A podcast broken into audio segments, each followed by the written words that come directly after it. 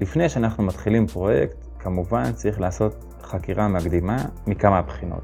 נגיד אנחנו עושים עבודה של מיתוג בתחום מסוים, אז צריך לחקור את התחום, לחקור את הנושא, לראות מה עשו מעצבים אחרים או בעלי עסקים באותו תחום, ולפתח דעה על מה שהם עשו. אנחנו אוהבים יותר, אוהבים פחות. ויש משהו נורא נפוץ אצל הרבה לקוחות, שהם אומרים למעצבים שהם לא רוצים להראות את מה שעשו להם. וזו בעיה גדולה, כי הרבה פעמים באותם תחומים יש עיצובים שהם חוזרים, וגם הרפרנסים הם דומים, ויש סיכוי מאוד גבוה שהוא יקבל משהו לא רחוק ממה שהוא לא אהב. אז חשוב כן להתעקש מול הלקוחות ולהגיד להם, תשמע, זה חשוב, תראה לי מה אתה לא אוהב כדי שאני אמנע ממנו ואני אעשה דברים אחרים. זה לא עוזר לקריאטיביות, וזה לא עוזר ליכולת לחדש כשלא מראים לנו מה הלקוח לא אהב. להפך, מבקשים דוגמאות מהלקוח לדברים שהוא כן אוהב.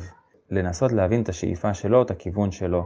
להגיד לו איזה מתחרים יש לך שהם טובים בעיניך, מה שהם עשו. הוא יכול להראות, הנה המתחרה הזה עשה ככה, את זה אני אוהב, את זה אני לא אוהב. וכמובן, גם כשלקוח אומר שהוא רוצה משהו חדש, יכול להיות מאוד שברגע שהוא יראה משהו חדש, יהיה לו קשה והוא ירצה לחזור אל המוכר.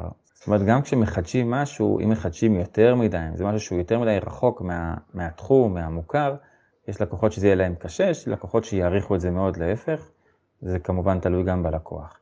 בכל מקרה, כן לחקור את הנושא, כמובן, ולהבין מהלקוח מה הוא אוהב או מה הוא לא אוהב, זה בוודאי עוזר.